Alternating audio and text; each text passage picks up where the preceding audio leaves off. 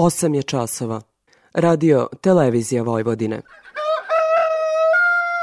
Dobro jutro, moj Bekrio. Ovde si mi poranio. Dobro jutro, moj Bekrio. Ovde si mi poranio. Ta kako ne bi poranio kad upravo počinje emisija Radio Novog Sada. Poljoprivredno dobro. Radio magazin za poljoprivredu i selo.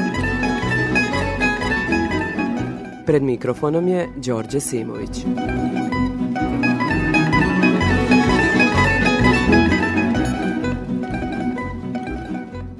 Poštovni slušaoci, dobro jutro. U četvrtak je priroda u Vojvodini pokazala svoju destruktivnu snagu. U temi emisije govorimo o tome šta se dogodilo i koje su posljedice po imovinu i useve. Da, nakon nevremena direktorice zadruge Krsturska paprika u Ruskom Krsturu Dušanka Oros, posle obilaska njiva sumirala je štetu. U ovoj emisiji. Danas je jako tužan dan. Znači 100% su štete, paprika je uništena do zemlje, što bi rekao to ja evo za ovi svoji 30 godina sadnje paprike nisam videla takav lep. Znači to je kao da je neko bacao teniske loptice gore. Kukuruz, soja, negde se ne vidi šta je bila od kulture. A nakon nevremena ponovo su se vratile paklene tropske temperature koje će biti izražene u narednih nekoliko dana. Po ovim vrućinama najteže raditi na otvorenom polju, a po težini prednjači berba malina. Direktor zadruge Agroeko voće u Arilju Božo Joković kaže da se dovijaju na sve načine kako bi pomogli beračima. U ovoj emisiji.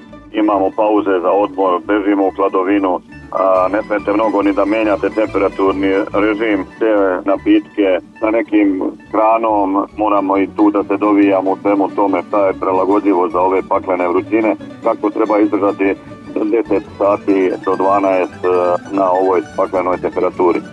Ministarstvo poljoprivrede saopštilo je da je vlada Srbije dala saglasnost da Republička direkcija za robne rezerve kupi do 200.000 tona merkantilne pšenice roda 2023. po ceni od 25 dinara plus PDV. Posrednik će biti produktna berza, a prednost prilikom prijave imaju fizička lica, nosioci registrovanih poljoprivrednih porodičnih gazdinstava – Minimalna količina merkantilne pšenice koja se kupuje od jednog aktivnog porodičnog gazdinstva je 10 tona, a maksimalna stotinu tona.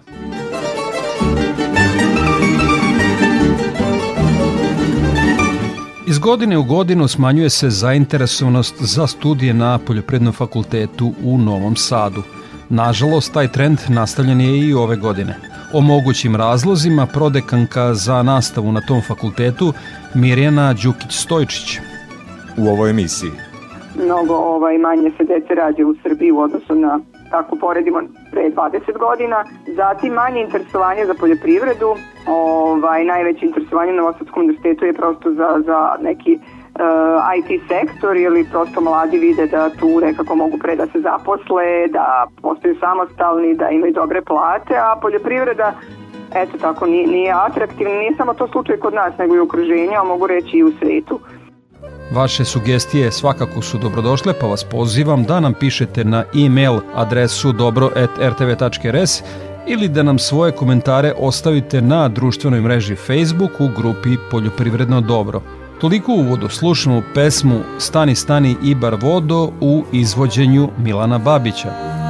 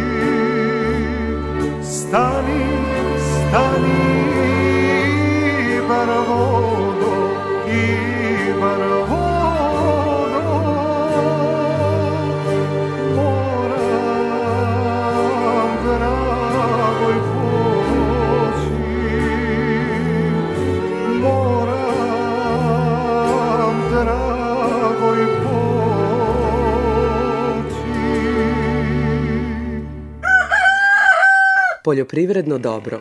Radio Novi Sad.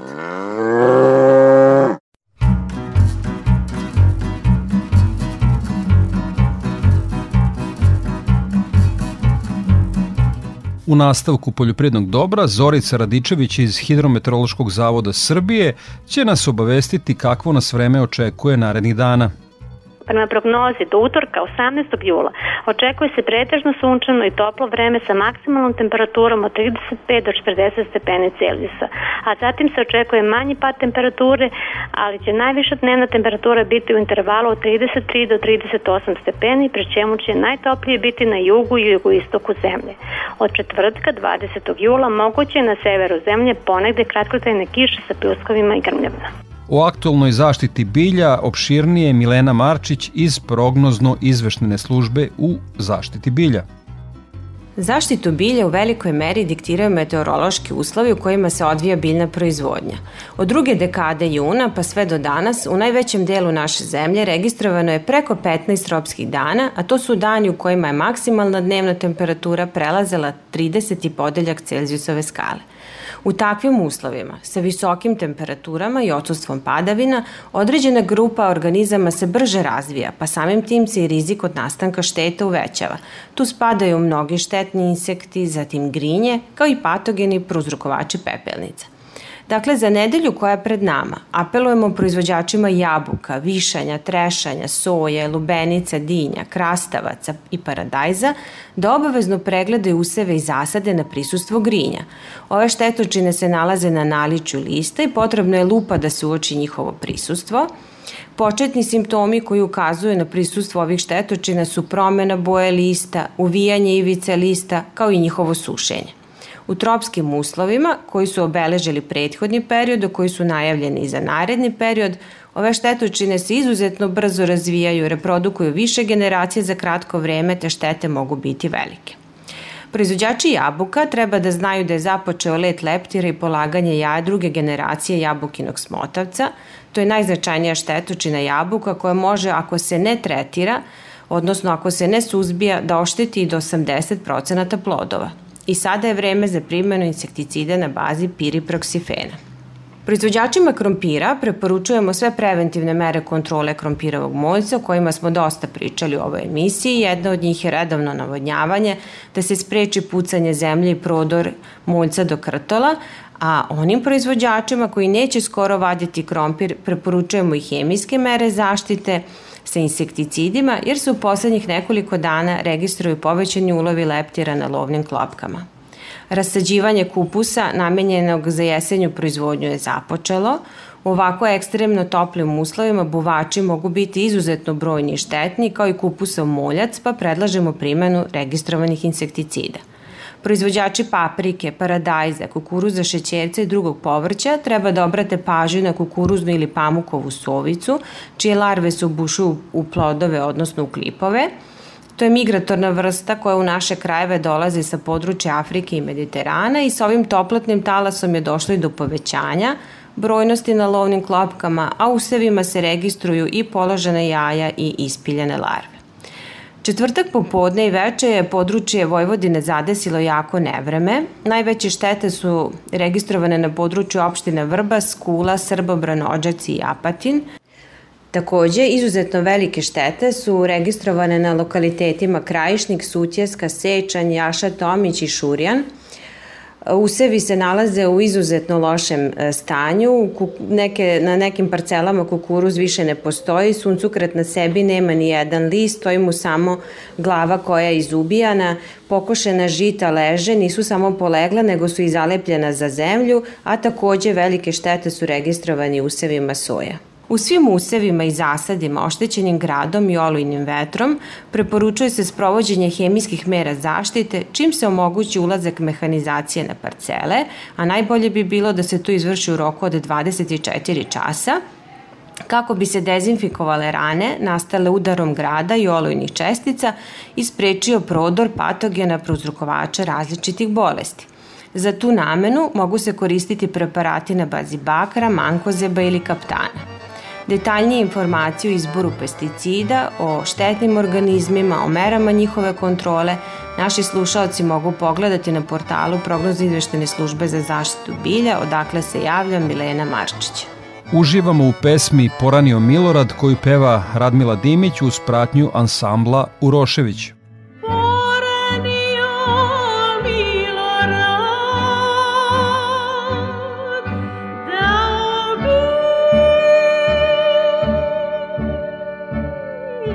you.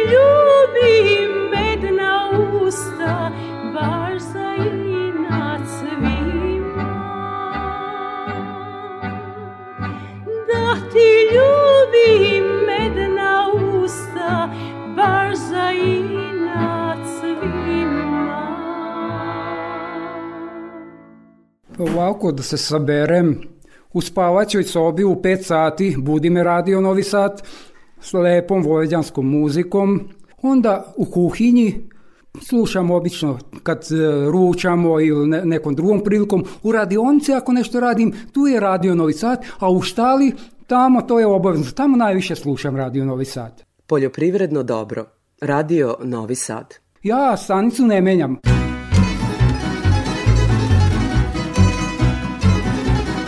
O prometu žitarica na produktnoj berzi više Andreja Matijašević. Kao i protekle nedelje i ove sedmice na tržištu kukuruza beležimo veoma slabu aktivnost učesnika. Tokom čitave nedelje primetna je bila slaba ponuda, ali i slaba tražnja. U ukupnom obimu trgovanja kukuruz je učestvovao sa samo 4% udela. Kukuruzom se trgovalo na jedinstvenom cenovnom nivou od 20 dinara 50 para po kilogramu bez PDV-a. U odnosu na prethodnu sedmicu beleži se cenovni rast od 3,17%. Pšenica rod 2023. godine prometovana je u cenovnom opsegu od 20 do 21,50 dinara po kilogramu bez PDV u zavisnosti od parametara kvaliteta. Trgovalo se i pšenicom starog roda po ceni 22,50 dinara po kilogramu bez PDV, odnosno 24,75 dinara po kilogramu sa PDV-om. U toku nedelje izražena je tražnja za stočnom pšenicom. Tržište soje tokom nedelje bilo veoma mirno, slaba aktivnost kako na strani ponude, tako i na strani tražnje. Slaba ponuda i tražnja smenjivale su se u toku nedelje, te je tako zaključenje berzanskih ugovora izostalo. Sojino zrno nudilo se po ceni od 61,50 do 63 dinara po kilogramu bez PDV uz obračun kvaliteta. Na tržištu uljane repice rod 2023. godine tokom cele nedelje beležimo slabiju ponudu u odnosu na tražnju, ali i cenovni rast u odnosu na prošlu nedelju od 1,59%. Uljanom repicom se trgovalo u cenovnom rasponu od 41,26 do 42,20 dinara po kilogramu bez PDV-a. Sa produktne berze Andreja Matijašević. Nakon izveštaja sa produktne berze, Gordana Jeličić iz Infotim Logistike obavestit će nas o trendovima na tržištu stoke. Sve cene su bez uračunatog poreza na dodatu vrednost. Tokom nedelje naši saradnici tovne svinje sa farme oglašavali su po ceni od 250 do 260 dinara po kilogramu, tovljenike sa mini farme po ceni od 240 do 245 dinara po kilogramu, a tovljenike iz otkupa po ceni od 230 do 240 dinara po kilogramu. Ukupno je na tržištu ponuđeno preko 2000 tovljenika. Tokom nedelje pregovori za farmsku i mini farmsku robu postizani su najčešće po ceni od 245 do 250 dinara po kilogramu. Za iduću nedelju klaničari će farmsku robu plaćati po ceni od 240 do 250 dinara po kilogramu. Prasaca farme oglašavana su po ceni od 450 do 600 dinara po kilogramu, prasaca mini farme po ceni od 352 do 462 dinara po kilogramu, a prasad iz otkupa po ceni od 320 do 330 dinara po kilogramu. U ponudi smo imali oko 2000 prasadi. Nazimice za priplod F1 bile su ponuđene po ceni od 50.000 dinara po komadu. Krmače za klanje ponuđene su i pregovarale su se po ceni od 185 dinara po kilogramu. Jagnjac su ponuđena po ceni od 320 do 370 dinara po kilogramu, ovce za klanje ponuđene su po ceni od 167 do 185 dinara po kilogramu. Iduće nedelje klaničari će jagnjat plaćati od 310 do 350 dinara po kilogramu. Bikovi rase Holštajn oglašeni su po ceni od 294 do 310 dinara po kilogramu. Tokom nedelje beležili smo trgovanje za bikovima Holštajn po ceni od 294 dinara po kilogramu. Bikovi simentalci su ponuđeni po ceni od 326 do 337 dinara po kilogramu. Kad je živina u pitanju, jednodnevni pilići teške linije ponuđeni su u rasponu cena od 44 do 55 dinara po komadu. Cene su izražene bez PDV-a. Za Radio Novi Sad, Gordana Jeličić iz Infotim Logistike. Slušamo šajku i pesmu Beogradski mali pijac, pa u temi emisije govorimo o posledicama nevremena koje je u četvrtak pogodilo Vojvodinu. Beogradski mali pijac potopila Sava Beogradski mali pijac potopila sama Moju dragu, moju dragu zabolela glava. Moju dragu eto tako zabolela glava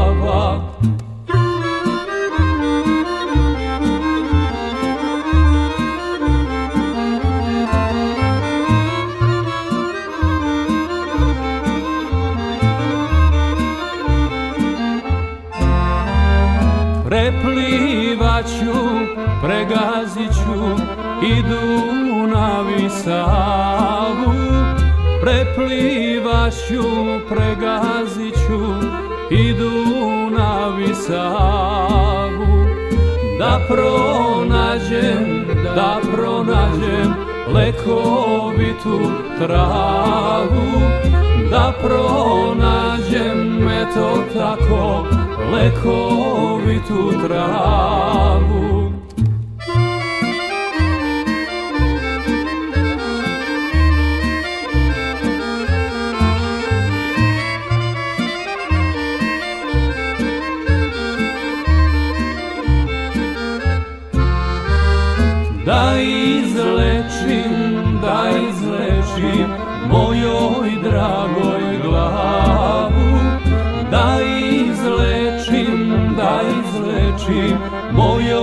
Dragoj glavu, da mi draga, da mi draga na ramenu spava, da je više, eto tako, ne zavoli glava. Tema emisije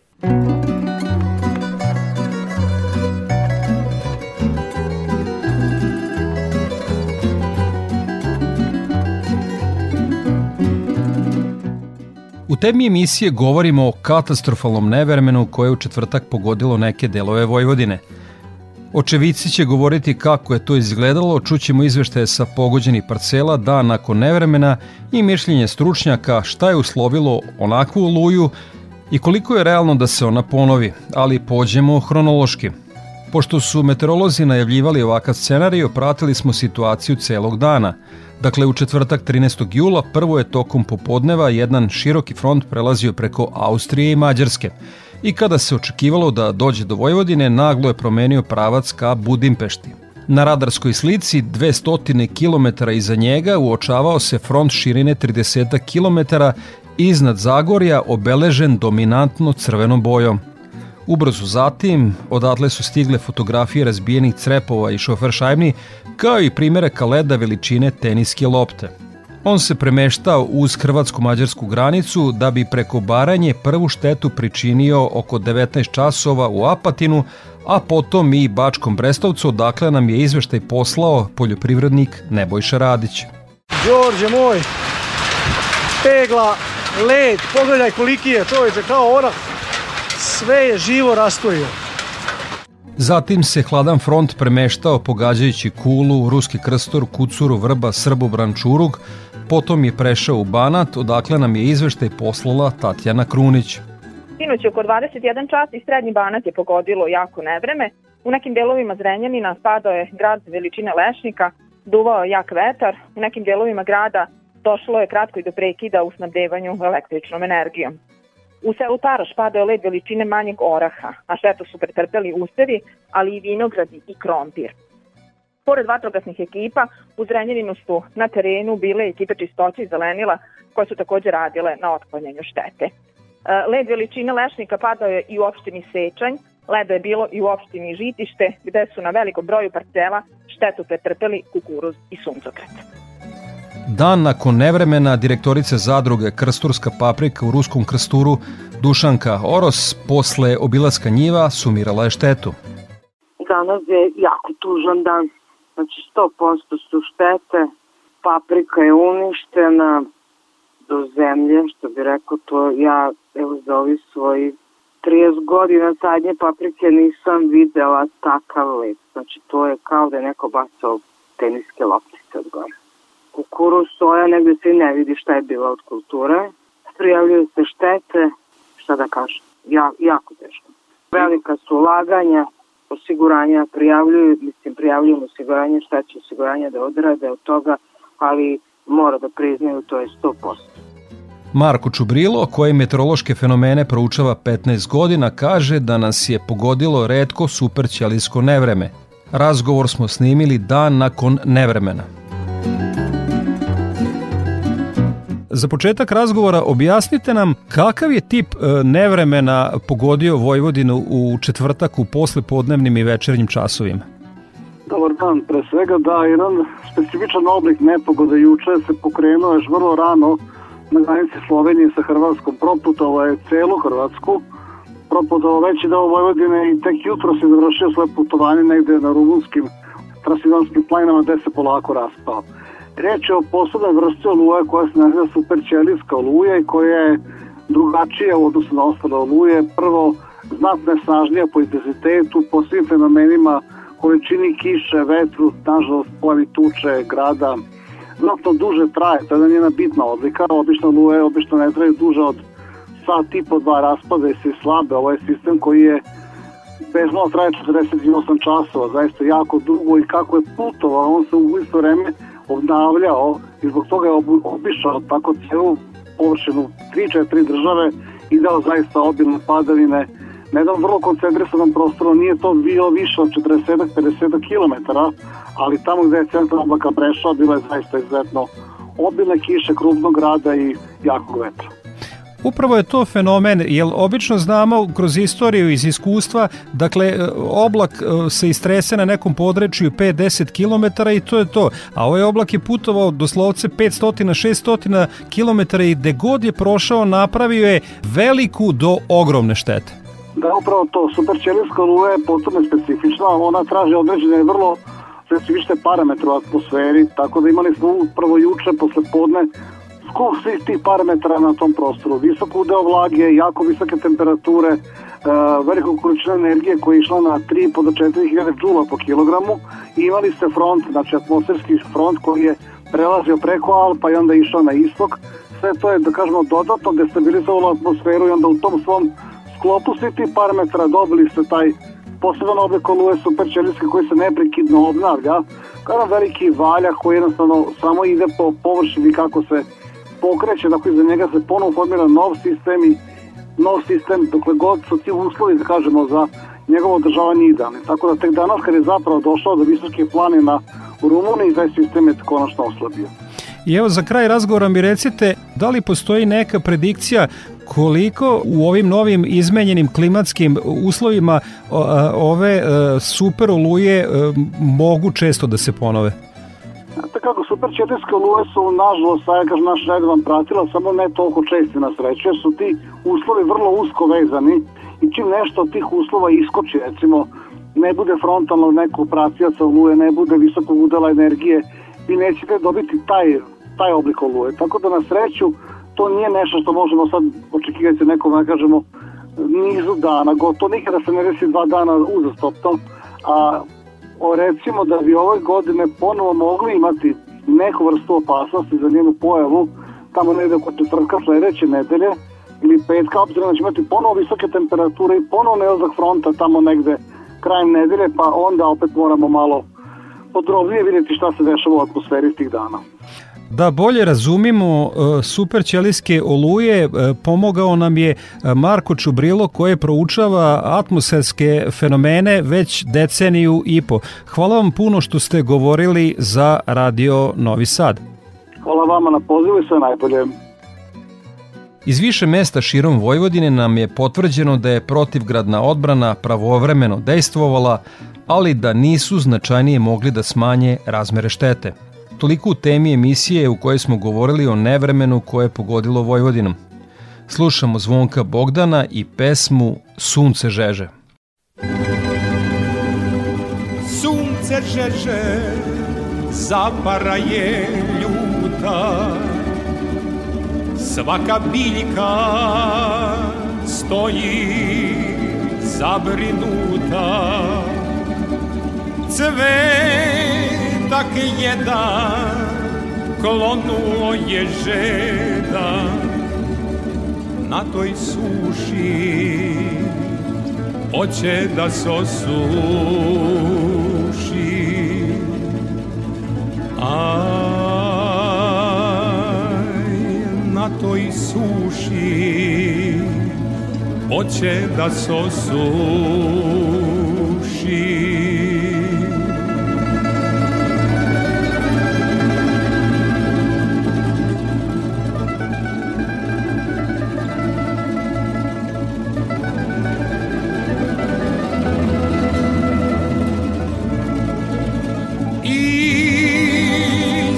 daleka strašan oblak juri Cvet ga moli da tako ne žuri. Stan oblače orosi mi grudi da se život u meni probudi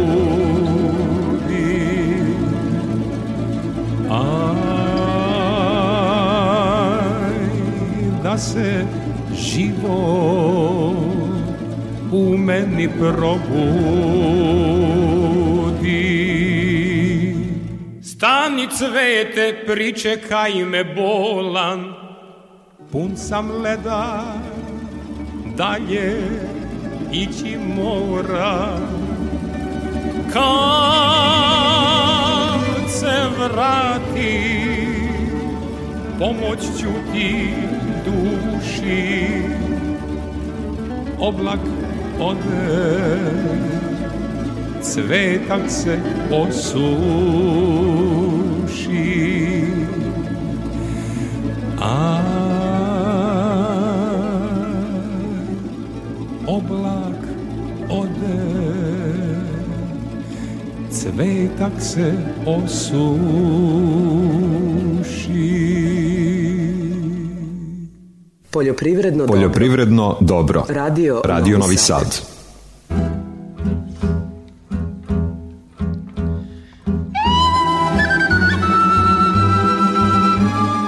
Na ekstremno visokim temperaturama koji smo svedoci ovih dana, svaki fizički posao dodatno je otežan, a naročito je teško poljoprivrednicima. Ipak, po ovim vrućinama, najteže raditi na otvorenom polju, a po težini prednjači berba malina. Direktor zadruge Agroeko voće u Arilju Božo Joković kaže da se dovijaju na sve načine kako bi pomogli beračima.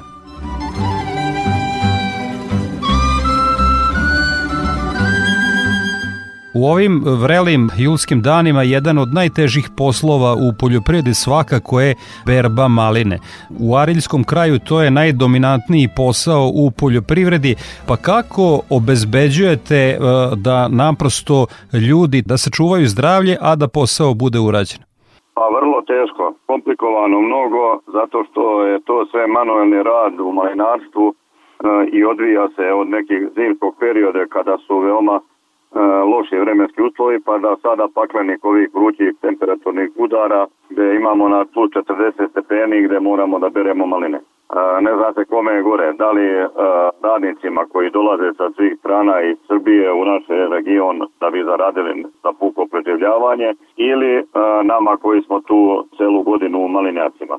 Pa koristimo sve moguće i dovijamo se sami kako možemo. Dogovaramo se sa radnicima, a, jednostavno imamo pauze za odmor, bežimo u kladovinu, ne smete mnogo ni da menjate temperaturni režim, a onda a, te vodene napitke a, sa nekim hranom moramo i tu da se dovijamo u svemu tome šta je prelagodljivo za ove paklene vrućine. Jednostavno možete da zamislite a, turista ode na more i biva na moru neki određen period pa ima probleme da se sakrije pod sucobrana, a kamoli kad pomislite kako treba izdržati 10 sati do 12 na ovoj paklenoj temperaturi. Što se tiče svega toga, malinjaci ove godine u velikim slučajevima već ostaju bez radnika, ljudi, proizvođači napuštaju berbu masovno, nema ekonomske isplativosti za sve to, nema ni novca za isplatu radnika i plus imamo prelivenu probleme iz prošle godine, ali opet kažem,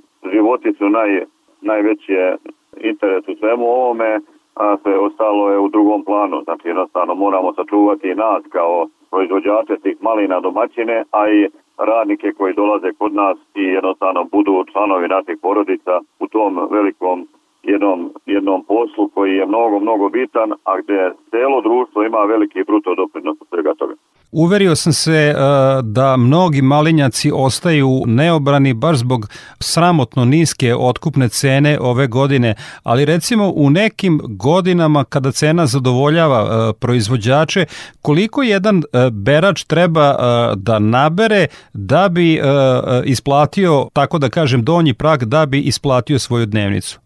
A vidite kako, prilike mora da bude prosek da pređe 50 kg po beraču maline, to je mnogo teško u, ovim, u ovom periodu sada pod ovim okolnostima se uradi. S tim što mi ovde imamo jednu kampanju protiv svih tih učesnika u sektoru malinarstva, da je malina stižemo one besa i, i pravimo od nje ekstra profite. I onda kada nam se dogodi da jedne godine imamo neku bolju cenu, onda smo mi ozloglašena cela priča, a svih 7, 8 ili 10 godina kada imamo jednostavno od, ekonomsku održivost na nuli, to svi kažu, e, pa kad ste imali dobru godinu niste se žalili. Eto, nismo imali ni prošlu god, dobru godinu i bila je katastrofalna godina, iako imala istorijski maksimum cene, zato što nije do danas danji plaćena i tu su ostali naplaćeni i proizvođači, i radnici, berači i e, dobavljači repromaterijala. Jednostavno, svi smo u problemu u ogromnom, samo e, moramo da vidimo na koji način moramo jednostavno ovo da počnemo iz pepela sa početka, da vidimo jednostavno smo svi ovde pogrešili u ovom kompletnom lancu, a kolateralna šteta su najveći proizvođači i male kladnjače koje nisu oslanjene na tržištu.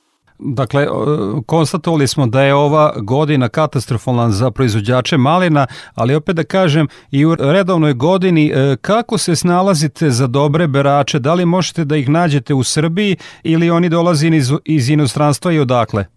Već decenijama najviše se angažuju radnici iz teritorije Srbije, naše Republike Srbije, gde imamo ovaj veliki, veliki migraciju tog stanovništva i radnika u krajeve gde se radi malina u većem obimu. Što se tiče, imamo i pojedinačne slučajeve, imamo i agencije koje su nas ove godine, ove godine zvale da angažujemo radnike iz inostranstva.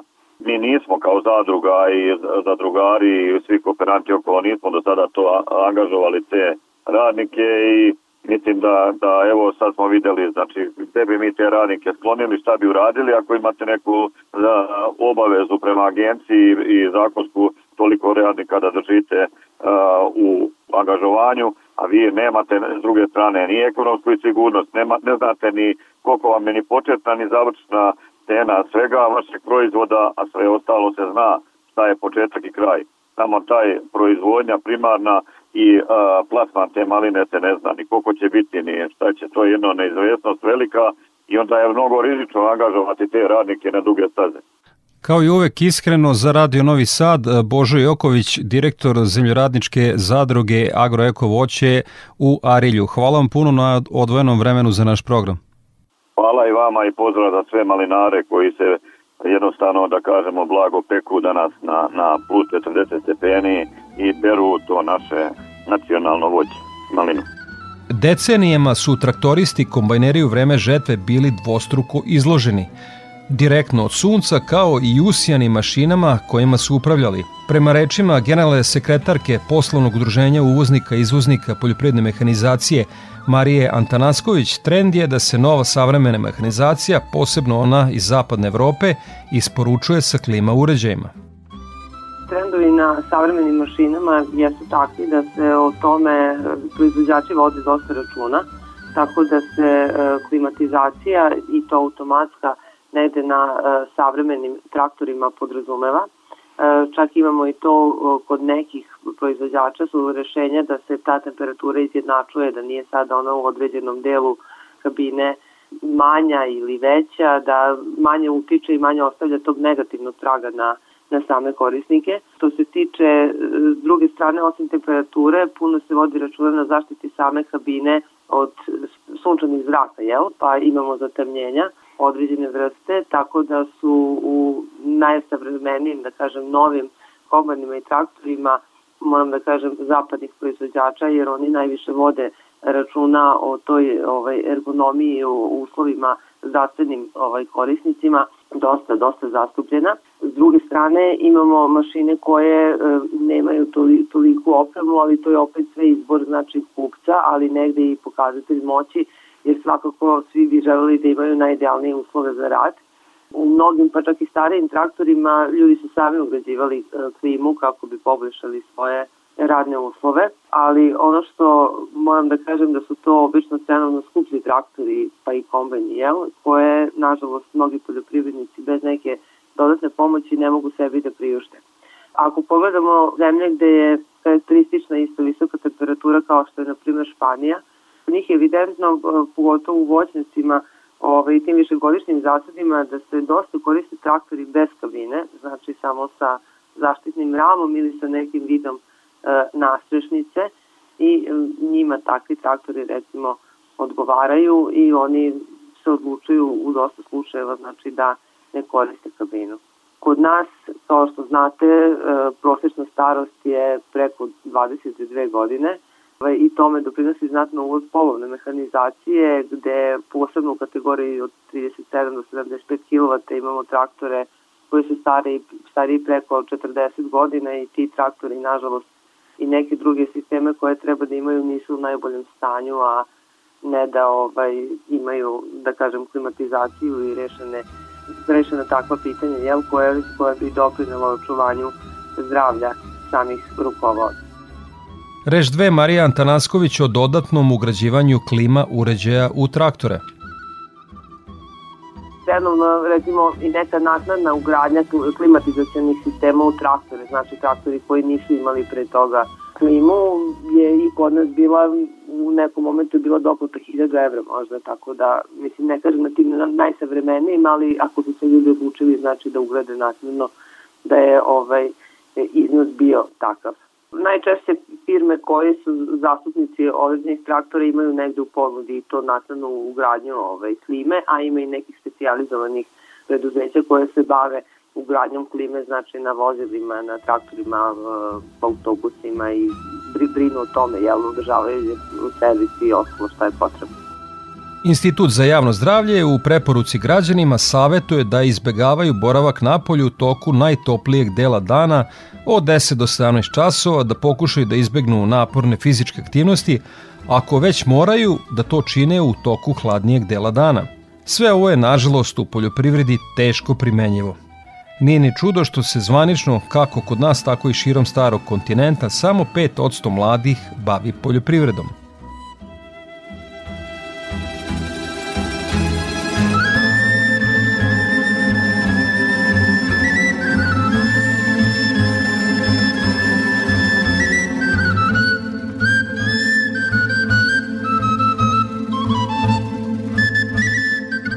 Iz godine u godinu smanjuje se zainteresovanost za studije na Poljoprivrednom fakultetu u Novom Sadu. Nažalost, taj trend nastavljen je i ove godine. O tome smo govorili sa prodekankom za nastavu na tom fakultetu Mirjanom Đukić-Stojčić.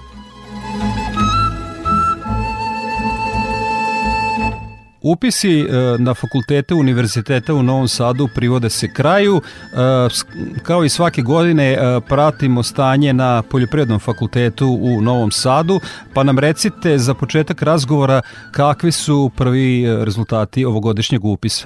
Pa evo ovako, ove godine nažalost imamo nešto manje prijavljenih kandidata ovaj, koji su se i prijavili za naš fakultet da polažu prijemni ispit i položili prijemni ispit, tako da evo za, zaključno sa današnjim danom imamo ukupno 350 e, studenta koji su se upisali na naš fakultet, što je mnogo manje u odnosu na ranije godine. Prošle godine smo upisali oko 500 studenta, međutim sada kažem samo je ovo prvi deo prvog upisnog roka završen. Sledeće nedelje imamo produženi prvi konkursni rok, a imamo i u septembru drugi konkursni rok, tako da se nadam da, da ćemo još ovaj, više popuniti jel, ove naše upisne kvote za kojim smerovima je vladalo najveće interesovanje i da li e, su neki smerovi popunjeni?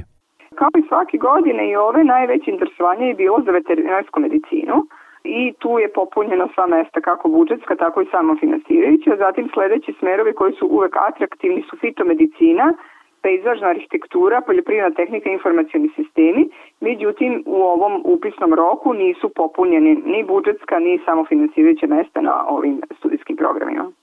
To bi naglasila da je ostalo dosta mesta i iz tog razloga produžujemo upisni rok i sledeće nedelje.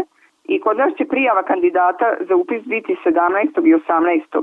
E, jula, a 19. će se polagati prijemni ispit. Bitno je da se kaže na sajtu fakulteta postoje svi materijali za polaganje prijemnog ispita, na primjer biologija, ima zbirka zadataka, što je u toj zbirki zadataka što se nalazi, to dolazi na prijemni ispit, da nije težak i tako dalje. Mislim, stvarno su sve uprostili, samo ne bili došli studenti.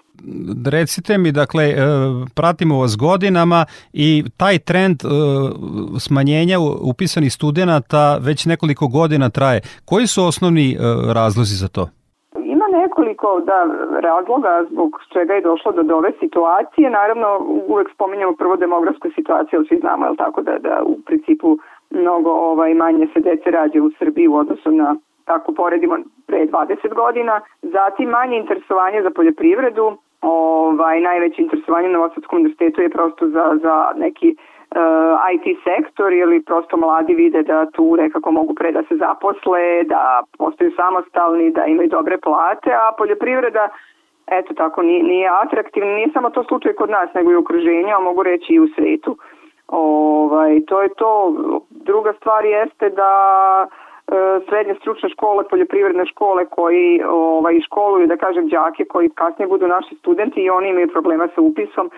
Oni jako malo dece se odlučuje da upiše srednje poljoprivredne škole ili imaju jedno odeljenje ili pola odeljenja, tako da onda samim tim to se reflektuje na upis na naš fakultet.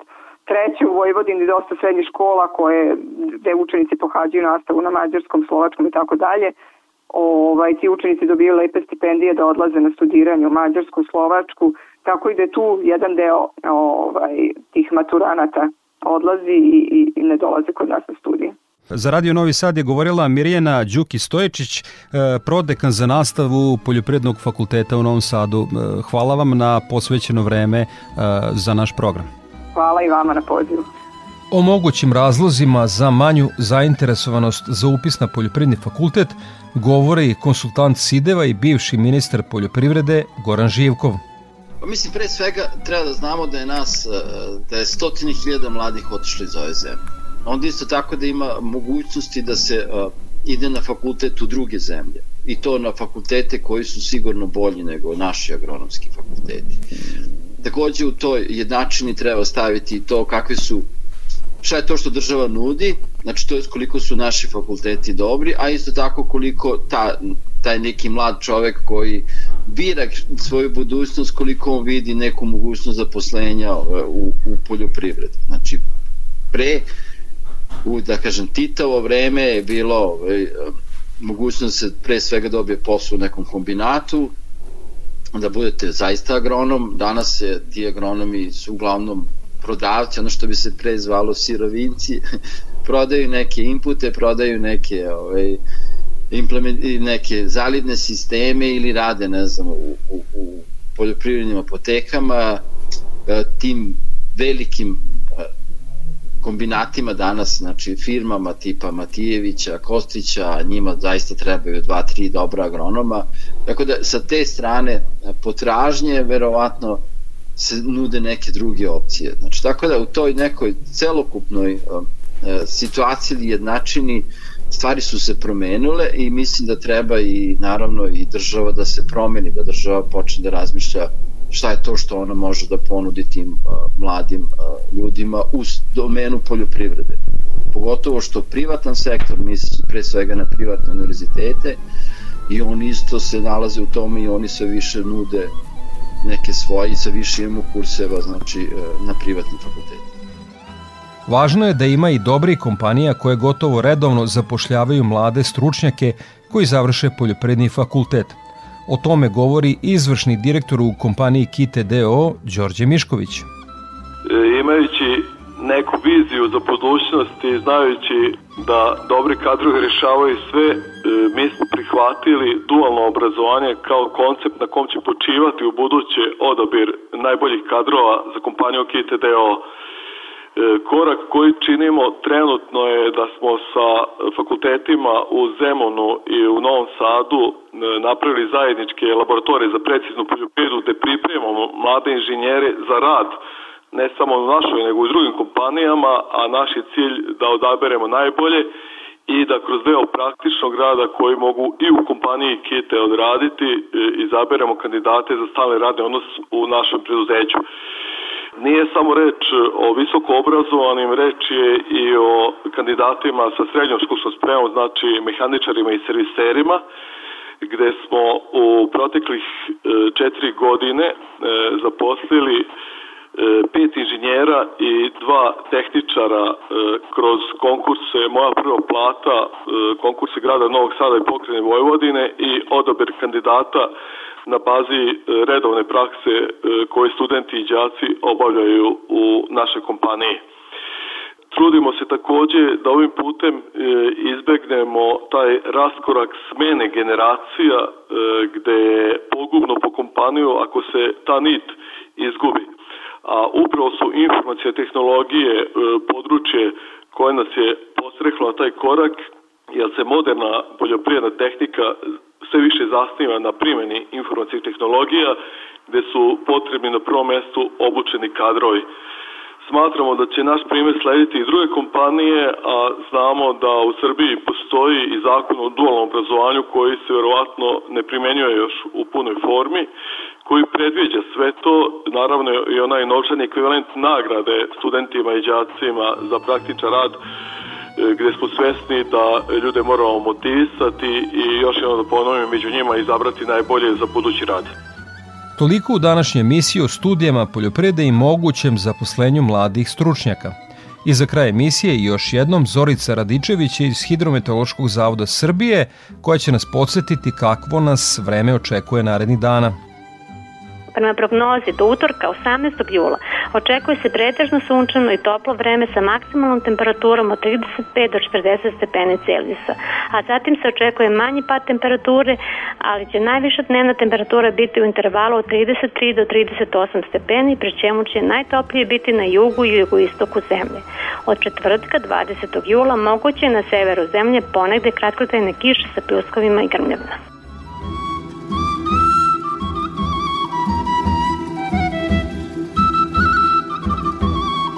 Toliko pošteni slušaoci u ovom izdanju Poljoprivrednog dobra, radio magazina za poljoprivredu i selo javne medijske ustanove Vojvodine. Ja sam Đorđe Simović i pozivam vas da ostanete uz Radio Novi Sad. Vašoj pažnji preporučujem ekološki magazin pod staklenim zvonom koji je na programu na Konvestiju 9. Svako dobro!